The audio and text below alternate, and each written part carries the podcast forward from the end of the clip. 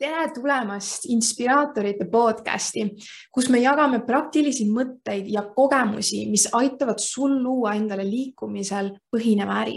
nii, tere päevast kõigile. selline ilus enne jõuluaegne sessioon meil siin. aga sellegipoolest oleme ikkagi äh, tulnud välja, et ka täna luua midagi väärtuslikku siia gruppi ja tänaseks teemaks on meil selline huvitav teema nagu, et kus kohas siis tegelikult on see tõeline väärtus, mille eest inimesed on valmis maksma. ja kohe esimese küsimusena ma tahakski küsida sinu käest, nii et palun kirjuta kommentaaridesse ka oma vastus või oma mõtted selle teemaga. aga mis on sinu arvates tegelikkuses need kohad, mille eest näiteks sina oled maksnud? et äh, saada seda väärtust, mida sa soovid, mille eest sa päriselt oled maksnud, on see info, on see midagi muud? et äh, tahakski teada, et mis, mis on see äh, arusaamine, mis on teil selle kohta, et ma saaksin natukene paremini seda ka avada erinevatest vaatenurkadest. ja see arusaamine minu jaoks tegelikult on äh, pead näidanud kogu minu koolitamise nii-öelda kogemuse jooksul see arusaamine, et, et see väärtus, mille eest inimesed maksavad, tihtipeale ei ole seal, kus me arvame, et see on. et üks hästi laialdaselt ütleme siis levinud mõte, mis ma arvan, et ka paljudel teiste algajate juures või ka juba nagu tegijate juures võib-olla on see, et inimesed maksavad info eest. ja see on üks koht, kus äh, tegelikkuses me peaksime vaatama natukene teise nurga alt seda. info on saanud äh, tänapäeval, ütleme siis isegi selliseks, selliseks kaubaks, mida sa saad tegelikkuses igalt poolt. ja on küll, eks ju, et teatud informatsioon, selle saamiseks sa pead maksma, aga mida tegelikkuses müüakse, on ju see, et kõik on tasuta olemas.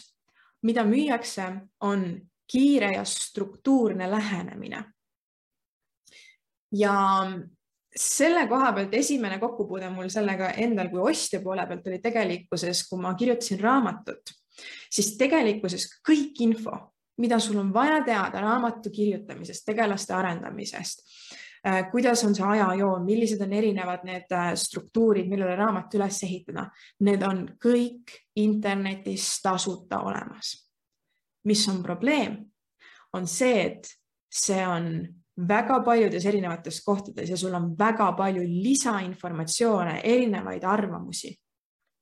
sellesama näiteks teema kohta on sul mitu-mitu erinevat arvamust ja mis tekib, ongi see üleküllastunus või segadus, et millist informatsiooni ma siis usaldama pean. nii et tegelikkuses see arusaamine, et see informatsioon, mida ka meie müüme, on tegelikkuses kuskil mingisugusel kujul tasuta saadaval. ja see ei tähenda, et meie informatsioon on väärtusetu, ei, sest et kui meie müüme nii-öelda seda enda informatsiooni, olgu see siis läbi nõustamise, läbi koolituste, läbi kursuste, siis meie oleme pannud selle struktuuri, samm-sammulistesse struktuuridesse. ja mida me toome välja, me aitame inimesel ära eemaldada need segavad faktorid, mis on siis väga palju erinevaid vaateid. me anname inimesele ühe tee, mida mööda käia, et ta jõuaks selle tulemuseni. Üks asi, millest ma olen rääkinud seoses näiteks mikronišiga ja, ja tihtipeale mul tuleb see ka jutuks siis, kui me oleme rääkinud, et mis on see tahe versus vajadus, et me müüme tegelikkuses, mida me peame müüma, on tahe samal ajal täitma siis inimeste seda vajadust mis tegelikkuses aitab neil jõuda selle tulemuseni. ja siinkohal ma olen mitu korda maininud ka seda, et see tulemuse juurde on tegelikkuses mitmeid erinevaid teid, mis tähendab, et see meie meetod ei ole kindlasti üks ja ainus selle tulemuse saavutamiseks. kui meie õpetame meditatsiooni või me õpet- või teeme nõustamist, teraapiat, kogemusnõustamist, siis seesama tulemus, mida see inimene tahab, seesama probleem, mida ta tahab lahendada, seda saab lahendada ka teistmoodi. aga meie eesmärk ongi tegelikkuses leida üles need inimesed, kelle jaoks meie struktuur ja lähenemine on kõige sobivam, mis annab neile kõige kiiremini kõige paremad tulemused. mis ongi see põhjus, et me ei saa meeldida kõigile. ja me ei saa müüa tegelikkuses iseennast kõigile, sest me lihtsalt ei sobi kõigile. ja kuigi nendel inimestel võivad olla tahe sama eesmärgi järele, siis me ei saa aidata neid tegelikult sinna, kui mingi teine meetod, nendele on hoopis teistsugune lähenemine, mis aitaks neil jõuda sinna palju kiiremini. ja see on tegelikkuses üks koht, kus meie kui koolitajad peame tegema selle otsuse ja arusaamine, et see on eetiline lähenemine, me ei müü kõigile, me müümegi nendele inimestele, kelle me näeme, et see on kõige parem viis ja noh, üks, üks asi, mida me loomulikult ka teeme, on see, et me proovimegi leida läbi selle, et me näitame, miks on see kõige parem viis. siis need inimesed tulevadki meie juurde. et, et see on selline eetiline lähenemine müügile üldse on arusaamine, et me tegelikkuses müüme ühte meetodit paljudest ja see informatsioon ise, see, noh, see ei ole seal see väärtus, väärtus on tegelikkuses see, kuidas me näiteks anname seda informatsiooni. ja üks küsimus, mis äh, ma taaskord ootaks nüüd äh, vastust meile siia kommentaaridesse ka, on see, et äh, mis on olnud lisaväärtused, mida sa peale informatsiooni oled loonud oma siis nõustamistega, ükskõik millega sa siis, mida sa teed, mida sa jagad, olgu see koolituste, kursuste, nõustamiste läbi, mis on see lisaväärtus, mida sa oled suutnud luua peale informatsiooni?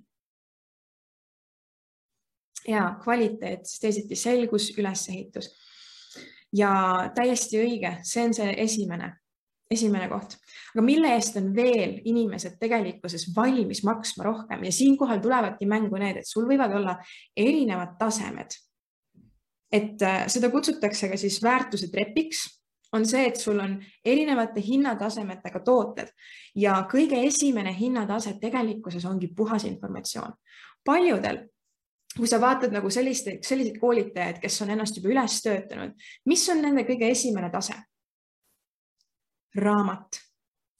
Neil on pandud kokku oma ülesehituse struktuur ja informatsioon raamatusse, ilma et nemad peaksid üldse olema seotud, see on kõige parem viis, kuidas anda odavalt väärtust. mis tegelikult see näitabki, ongi see, et kui me müüme põhimõtteliselt ainult infot, ainult infokogemust, siis see on meie väärtuse ledelil üsna tihti see kõige odavam asi ja kuidas me saame hakata looma neid järgmise väärtusredeli tasemeid, mille kohta me saame tegelikkuses hakata rohkem raha küsima, ongi need lisandväärtused. nii et mille eest inimesed veel maksta võivad? ja väga hästi oli, et individuaalne lähenemine kindlasti on see üks suuremaid lisandväärtuseid, mida saab ka panna ja kui sa kui sa vaatad ümberringi, siis taaskord vaatame neid koolitajaid ja, ja ärisid, kes on ennast üles ehitanud, siis me näeme seda, et üks-ühele programmid on tihtipeale nende kõige kallimad programmid. et see on, ütleme siis selle nagu redeli justkui tipp. aga mis seal vahepeal veel on, on see, et inimesed, kes tulevad minu juurde üks asi, mille eest nad maksavad, on eks ju see informatsioon, aga see on tegelikult nullilähedane. kõige parem viis läheneda meile kui koolitajatele on see, et me mõtleme, et informatsioon on väärt null. millega ma siis väärtust loon, kui informatsioon on väärt null? kogemus kui sul on kogemust millegi läbitegemisel, sul on kogemust klientidega, sa oled näinud, kuidas nemad oled seda teinud, kui ja, ja siinkohal on ka see, et, et meil ei pea olema päris üks-ühele isiklikku kogemust täpselt sellele lahendusele, mida vajab see klient. aga kui meil on olnud näiteks teiste klientidega või me oleme näinud teiste piltidelt sedasama äh, lahenduse saamisprotsessi meie õpetamise läbi, et me oleme õpetanud kedagi ja keegi on selle probleemi lahendanud, siis see on kogemus me isiklikult ei ole pidanud samm-sammult äh, läbi minema seda protsessi.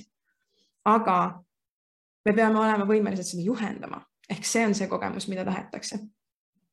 siis ligipääs suhetele. see on üks koht, kus virtuaalkoolitused jäävad alla otse-eetris koolitustele, füüsilistele koolitustele. Ja see on ka põhjus, miks mina olen kasutanud väljakutseid, Facebooki grupid, loonud kogukonna internetti, kus inimesed saavad suhelda, sest et inimesed on valmis maksma rohkem, kui neil on võimalus saada uusi koostöösuhteid, paremaid suhtmeid ehk siis see networking part ehk siis see networking ja võrgustiku loomine. ja mis veel, lihtsalt kohtumine uute inimestega, teiste inimestega. staatus. üks asi, mis äh, hästi sellisel kõrgel levelil on tegelikkuses see, et kui sa ostad kalli programmi, siis see näitab sinu staatust. ja meie seas võib-olla ei ole veel neid, äh, kes, äh, kes suudavad müüa kümne tuhande euroseid programme, aga väga lahe, eks ju, et kui meist keegi jõuab ka sinna ja seal kohal on inimestel, kes ostavad kalli programmi, siis see loob tegelikkuses staatust. sest et nende jaoks ei ole enam mingisugune teema, kui nad ostavad viiesaja eurose programmi või isegi kahe tuhande eurose programmi staatus näitabki see, et kui nad on jõudnud teatud kohta oma elus, siis nad tunnevad, et nad on väärt seda kallimat programmi. Ja nende jaoks on nii-öelda samm tagasi see, kui nad ostavad odavama programmi. ja see on nagu üks asi, mida tegelikkuses me saame anda, ongi see, et kui meil on loodud kogukond inimestest, kes on kõik sellel kõrgel tasemel, siis sinna kuulumine iseenesest annab juba staatust mida me saame pakkuda lisaväärtusena, staatus. taaskord vaadata, et kui, kui sul on väga nišispetsiifiline grupp, siis tegelikkuses, kui sa suudad selle üles ehitada ja esile tõusta, siis kõik inimesed, kes kuuluvad sinu tasulisse kogukonda, neil on olemas oma staatus, kui nad ütlevad, et ma kuulun sellesse kogukonda, siis teised inimesed tunnevad, et okei okay,, tal on staatust sellel alal see on taaskord asi, mis võtab võib-olla ehitamiseks rohkem aega. aga samas see on ülihea lisaväärtus, mille eest inimesed on valmis maksma preemiumi ehk siis kallima hind, kallimat hinda. mis veel?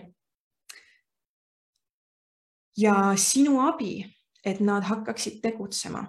ma usun, et see on äh, üks selline tähtsamaid asju, mida juurde tuua nüüd pärast näiteks, et kui sul on raamatufaas või siis mingisugune odavam informatsioonitoode, siis sealt järgmine samm ongi see, et kuidas sina saad hakata aitama neid inimesi sellega seoses, et nad hakkaksid ka päriselt tegutsema. et informatsiooni andmine on see kõige baas, aga nüüd on vaja neid natukene surkida, et nad tegutsema hakkaksid ja seal võibki olla see, et sa lood tasulise kogukonna, kus on kogu aeg neil kontakt, võimalus küsida küsimusi, annad ülesandeid. kui sul on nagu äh, jooksev kursus, kodused ülesanded aitavad väga palju kaasa ja loomulikult me taaskord saame areneda, kuidas me saame inimesi panna neid koduseid ülesandeid ka tegema, kuidas me saame motiveerida, inspireerida neid. see on üks tohutult suur lisaväärtus, mis taaskord annab inimestele selle mõtte, et ma olen valmis selle eest rohkem maksma, sest et tegelikkuses, mille eest inimesed maksavad, on tulemused. ja mida kõrgema tõenäosusega sina suudad neile luua tulemusi, seda rohkem on nad valmis maksma sinu teenuste eest. Ja sellepärast ongi kallites programmides, sa näed väga selgelt seda, kuidas äh, odavamates programmides see protsent inimesi, kes päriselt jõuavad nii-öelda selle päris, päris tulemuseni, sinna, mida nad äh, tahavad ja võib-olla isegi kõrgemale, siis neid on tavaliselt alla viiekümne protsendi. üks põhjus on ka see, et raha tekitab pühendumust. Mida kõrgem raha investeeritud, seda suurem on inimeste pühendumus kohale ilmuda. ja päriselt ka katsetada ja rakendada seda teadmist mida kõrgemaks hinnad lähevad nendes programmides, kus sul on üks-ühele, siis see tõenäosus on saja protsendi lähedane, et sinu klient jõuab sinuga koostööd tehes tulemuseni. ehk siis me saame tõsta ja küsida nii-öelda premium hinda selle eest, mida suurem on meie tõenäosus toota neile tulemusi. inimesed maksavad selle eest, et sa aitad neil säästa aega ja võib-olla ka raha pikas perspektiivis, seda, selle tulemuseni jõudmisel mõndadele läheb rohkem aeg korda, mõndadele läheb rohkem raha korda ja see on sinu töö tegelikkuses teada, mis sinu sihtgrupile rohkem korda läheb.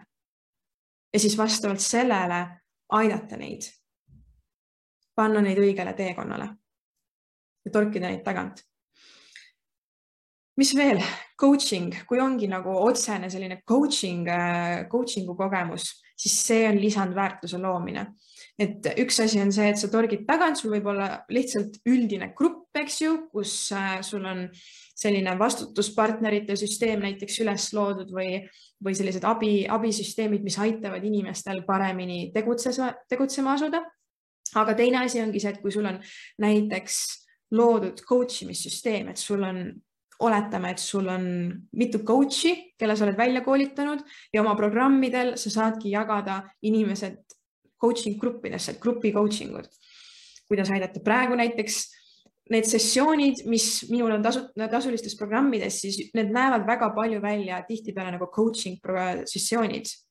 ehk siis see on grupi coaching, kus ma peegeldangi vahepeal küsimusi tagasi, küsin küsimusi ja sellega, et ma aitan ühte inimest, teised inimesed tegelikkuses saavad täpselt nende küsimustega vaadata ka enda probleemi ja kuidas seda lahendada, et see on ka üks suur lisaväärtuse looja.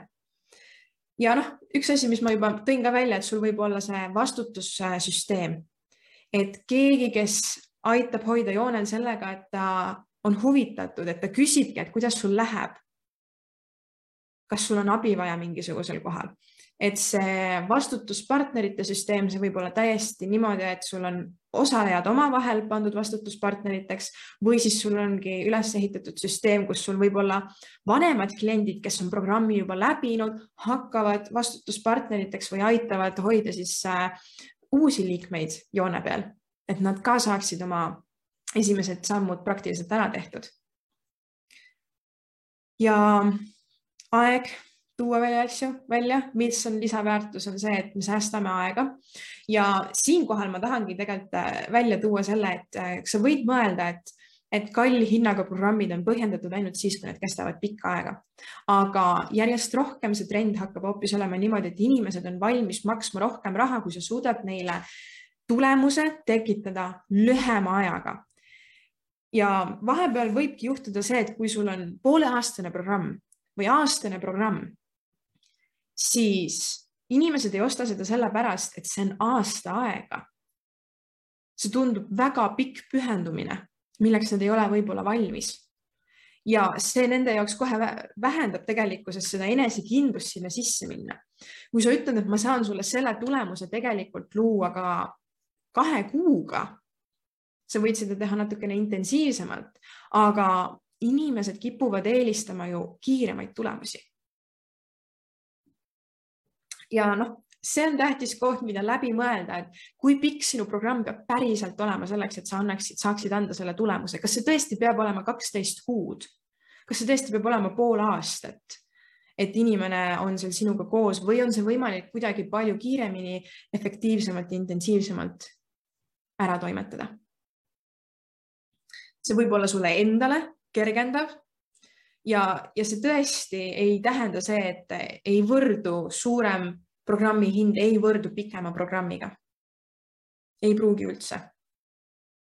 sa võidki panna sinna lühemasse programmi, sa paned sinna coach imise sisse, olgu siis võib-olla isegi mingi ühe sessiooni üks-ühele, mis aitab inimesi paremaid edasi. aga see võib olla palju parem selle kõrgema hinna eest, kui näiteks tasuline kogukond mis äh, sul on aasta aega ja kus sa tuled võib-olla kaks korda kuus laivi ja õpetad midagi.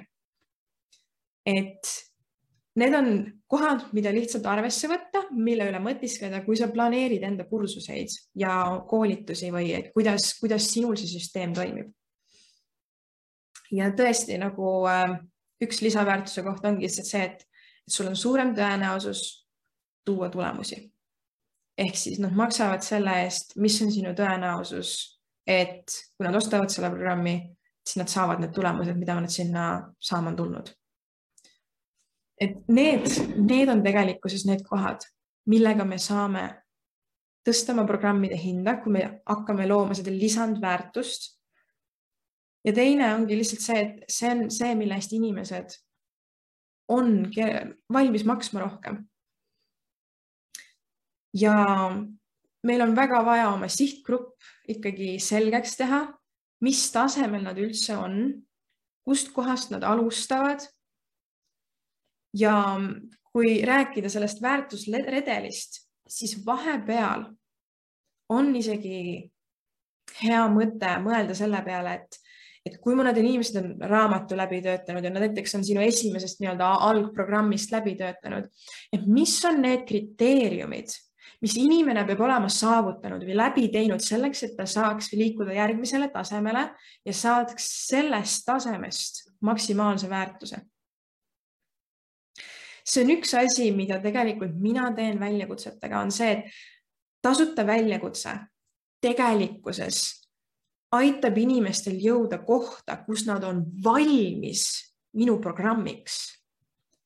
valmis selle koha pealt, et nad on saavutanud oma peas teatud arusaamad, teatud mõtteviisilised muutused mis aitavad neil sellest programmist saada maksimaalset väärtust. ma ei saa alati garanteerida, et sinna programmi tulevad inimesed, kes on selleks täpselt üks-ühele õiged, aga nende väljakutsetega, sellega, et ma olen inimesed aidanud läbi nende koduste tööde tegemine, on tegelikkuse strateegia selleks, et inimesed oleksid põhimõtteliselt minu programmi alguspunktis kui nad on ära teinud selle, mis ma olen õpetanud väljakutse jooksul, siis ma saan neile hakata õpetama neid asju, mida ma õpetan seal programmis. üks ülihea näide on sellest minu, mis ma olen teinud, on see raamatu väljakutse romaani kirjutamise kohta. Minu romaani kirjutamise väljakutse on raamatu struktuuri loomine. Ehk siis viie kõige tähtsama kontrollpunkti paika panemine, maailma loomise alustalad ja tegelase loomise alustalad. See on minu väljakutse sisu.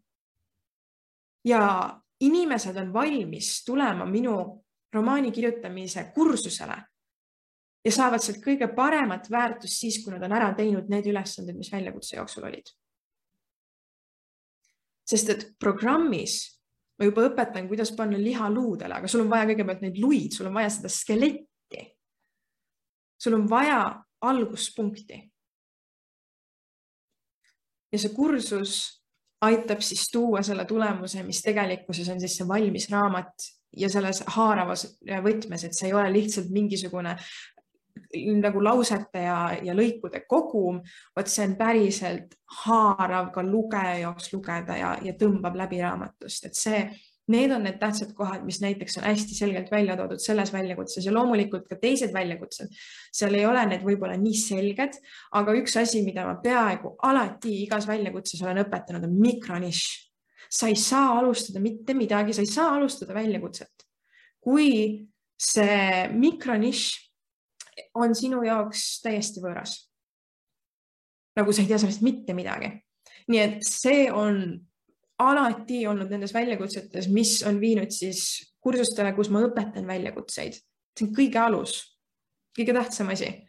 et mis on need kohad, mida sul on vaja oma inimestele enne õpetada ja neid harida selleks, et nad oleksid valmis sinu programmist saama välja maksimaalset tulemust ja sellega, et sa aitad nad läbi sellest ja nad on programmiks valmis, siis sa tegelikkuses tõstad nende tõenäosust sellest programmist ka tulemuse saamiseks. Sa võid seda teha veebinaridega või, või pikaajalisemalt, et sa, sul ongi strateegia see, et sa teed seda igakuiste veebinaridega või blogipostitustega, aga nendega sa ei saa alati nii palju kindel olla ja jälgida, kas inimesed ka teevad asju ära, et sellepärast mina olen läinud väljakutsete peale, sest et ma näen neid inimesi, kes ära teevad. ma näen neid, ma näen, mis on probleemid, ma näen, et nad jäävad kuskile kinni, ma saan kohe aidata. Et, äh, et see on äh, selline koht, kus sa pead ise aru saama, mis on see sinu väärtuse redel. seal enne seda tasulist on üldse tasuta, eks ju, sul võivadki olla blogipostitused. kui sul on raamat, ideaalne, pane see raamat sinna otsa, mis on see järgmine tase peale raamatut, kuhu nad edasi liiguvad, mille eest, mis on see lisandväärtus, mis sa sellele informatsioonile lood. sest et väga kõrgel tasemel informatsioon võib tegelikkuses ka inimesed vahepeal ära ehmatada, kui nad ei ole selle jaoks valmis et see on aidanud, see, see tegelikkuses, see trepp on vajalik.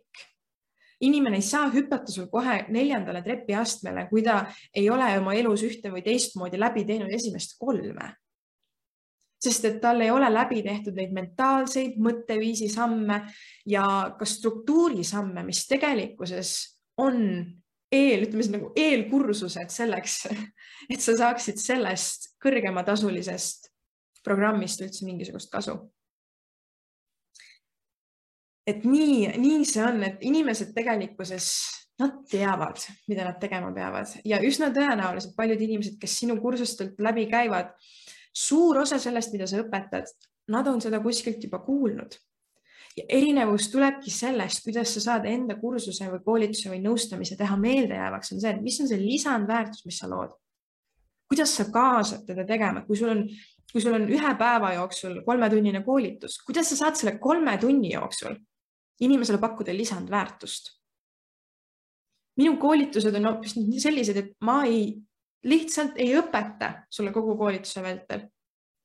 vot mul on seal koolituste teemade vahepeal on ülesanded ma annan viis minutit või kümme minutit vastavalt ülesandest, ma annan aega, et inimene saaks mõelda selle küsimuse peale ja siis ma annan kümme minutit aega, kus ma panen nad Zoomis kahekesi ühte ruumi ja nad saavad kellegi teise osalejaga rääkida ja arutleda oma vastuseid. see toob välja ka lisandväärtuse, mis on teistega suhtlemine et, et alati mõtle selle kaudu, mis on lisandväärtus, mis teeb minu koolituse rohkemaks kui lihtsalt informatsioon, sest et lähtu selle koha pealt, et informatsioon on väärt null. see, mis loob päris väärtuse, on kõik need lisandväärtuse asjad. Niisiis, kes praegu tunneb, et see, mis ma olen täna rääkinud, on loogiline et täitsa, täitsa nagu loogiline lähenemine ja loomulikult sa võid ka kirjutada, kui, kui sinu meelest see, mis ma rääkisin täna, ei olnud väärtuslik. aga ma tahaks väga teada, et mis, mis on sellest praegu, mis ma olen rääkinud, sinu jaoks jäänud kõlama. kirjuta mulle siia äh, kohe kommentaaridesse, siis ma näen ka, et, et see kõik, mis ma, mis ma täna rääkisin, see see arusaamine tekkis mul tänu mentorile, aga siis, kui sa teatud hetkel nagu sul jõuab see teadmine mingisugusesse kohta, siis sa hakkad panema otsi kokku ja kui sa vaatad ka minevikku, et sa tegelikkuses näed neid mustreid.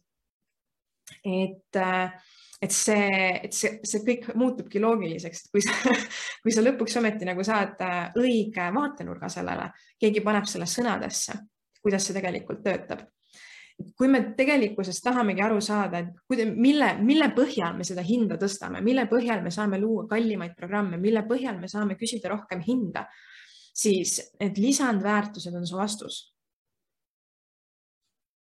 ja palun kirjuta mulle siia kommentaaridesse ka, mis oleks tegelikkuses üks lisandväärtus, mida sina saaksid väga kergesti lisada oma teenusele et sa võid ka kirjutada, et mil, mis see on, on see nõustamine, on see koolitamine, on see mingisugune toote müümine, täpselt samamoodi lisandväärtus on see, millega sa saad tegelikkuses toote müügil küsida rohkem raha. Kas, kas see on kuidagi paremini pakendatud, kuidagi ilusamini pakendatud, kas sinna tuleb juurde mingisugune kingitus, see ei pea olema mingi kallis kingitus, aga näiteks kui sa müüd jõulukingitusi, siis nad ei saa ainult seda asja, vaid neile tuleb ka mingisugune hästi lahe ja südantsoojendav kirjake juurde. et äh, mis, mis on need lisandväärtuskohad, mida sina saad tegelikkuses väga lihtsa vaevaga endale praktikasse panna. kirjuta mulle siia kommentaaridesse ka ja, ja aitame inspireerida ka teisi, sest et kui me jagame mõtteid, siis me loome palju suurema informatsioonimaailma, millest me saame neid mõtteid koguda, eks ju, et et siin äh, üks asi mina jagan, aga me saame veel, veel suurema väärtuse ringluse luua sellega, et me jagame enda mõtteid, mis me arvame, et on tavalised, aga tead, kellegi teise jaoks ei ole need mõtted tavalised, kellegi teise jaoks võib see olla murdepunkt. murdepunkt, kus ta saab aru, kuidas midagi paremini teha. et, et need, et see väärtuse trepp on kindlasti üks asi, mis, mida enda jaoks välja mõelda, mis on sinu väärtuse trepp. eks ju, et mis, mis on see esimene, eks ju, kõige odavam versioon, selleks väga suurel hulgal ainult informatsioon. seal võib olla ka tasuta versioon, eks ju, tasuta, mis on see odav, siis on, mis on järgmine hinnaklass, mis on järgmine hinnaklass ja mis, mis on kriteeriumid, mis inimesed peavad nii-öelda siis oma isikliku arengu poolest läbi tegema selleks, et nad saaksid minna sellele järgmisele trepiastmele. et äh, need, need on nagu tähtsad asjad, mida enda jaoks läbi mõelda et võtta võib-olla isegi nüüd aasta lõpuks või uusaasta alguses, eks äh, me kõik paneme oma uusaasta plaane paika, võib-olla väga hea mõte esimeseks ülesandeks endale teha, et mis on sinu äri väärtuse trepp. mida mööda inimesed saavad kõndida kaugemale ja kaugemale? Ja see ei pruugi sul kohe välja tulla, mina siiamaani töötan välja enda oma sest et ma, ma ikka veel katsetan, proovin, aga selleks, et ma saaksin üldse katsetada, proovin, mul on vaja mingisuguseid ideid. Ja täpselt samamoodi ka sul, sa saad palju selgemaks oma väärtuse trepis siis, kui sa katsetadki erinevaid asju. ja, ja see võib olla see, mis tegelikkuses aitab sul lihtsa vaevaga tegelikkuses. Sa näed, et sa saaksid palju rohkem esiteks sissetulekut luua ja sa saad palju rohkem väärtust loogiliselt luua inimestele et väga hea, et äh, tunnustus ja väärtuskiri kaasa. see on väga-väga äh, lahe asi, mida anda. kodutööde ärategijatele üllatus mm. -hmm. ja aktiivsuse ülesnäitamise eest preemia, et need on kõik väga-väga head äh, lisandväärtused, mida saab luua ja auhinnad, boonusvideod, fookuse hoidmine, kordamine, et see on, see on kõik see, mis teeb meid eriliseks. mis teeb meie teenust eriliseks teistest ehk miks mina või keegi teine saab küsida võib-olla kallimat hinda, siis äh, see on see, see on see vastus. et kui, kui sinu jaoks on olnud nagu selline uhuu teadus, et huvitav, kuidas on võimalik, et üks inimene küsib kodulehe tegemise eest kümme tonni ja teine inimene küsib võib-olla viissada euri, et, et äh, koduleht on koduleht, aga, aga see ongi see lisandväärtuse loomine inimesed on valmis selle eest maksma. ja sul ei olegi tegelikkuses, sul ei ole vaja palju inimesi, kui sul see väärtuse trepp on paigas, sest et nendel kõrgematel väärtuse tasemetel, eks ju, mis võtavadki rohkem sinu aega, sest üks-ühele coaching mine või üks-ühele lisandväärtuse loomine, see võtab rohkem aega, aga see ongi kõrgem hinnatase. see tähendab, et mul ei ole vaja paljusid inimesi seal kõrgemal hinnatasemel ja mul on täiesti okei okay ja jätkusuutlik pühendadagi rohkem aega sinna. sest et see, mis ma sealt tagasi saan, see rahaline väärtus on väga-väga väärt seda, mis ma panen sinna üks-ühele sisse, millise tulemuse ma sellele inimesele loon.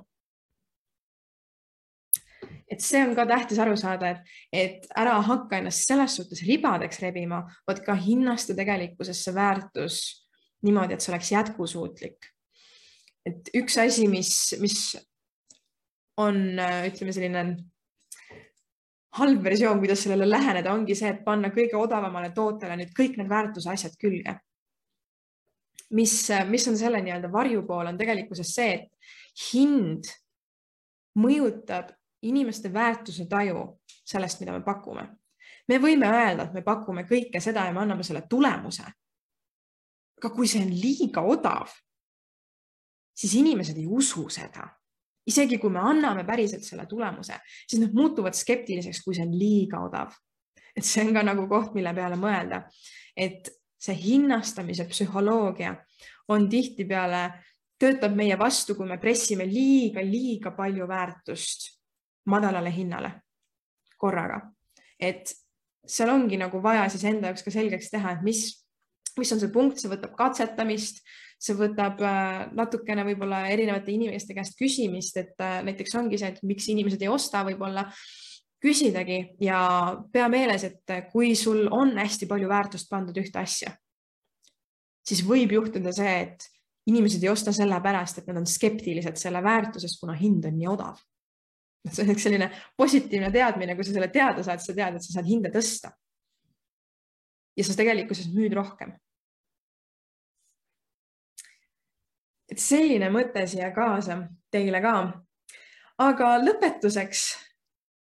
palun anna mulle teada, kuidas oli sinu meelest see, mis ma täna lõin, mis, mis oli selle väärtuse hinnang ühest kümneni? et üks on siis see, et no tõsine aja raiskamine, mitte midagi ei saanud, aga kümme on see, et päris hea, päris hea, päris mitu sellist äh, head mõtet sai ja tasus kuulamist et anna mulle siia teada ühe väga lühikese numbriga üks kuni kümme. ja see annab mulle taaskord tagasisidet, et äh, kas ja kui palju see oli väärt.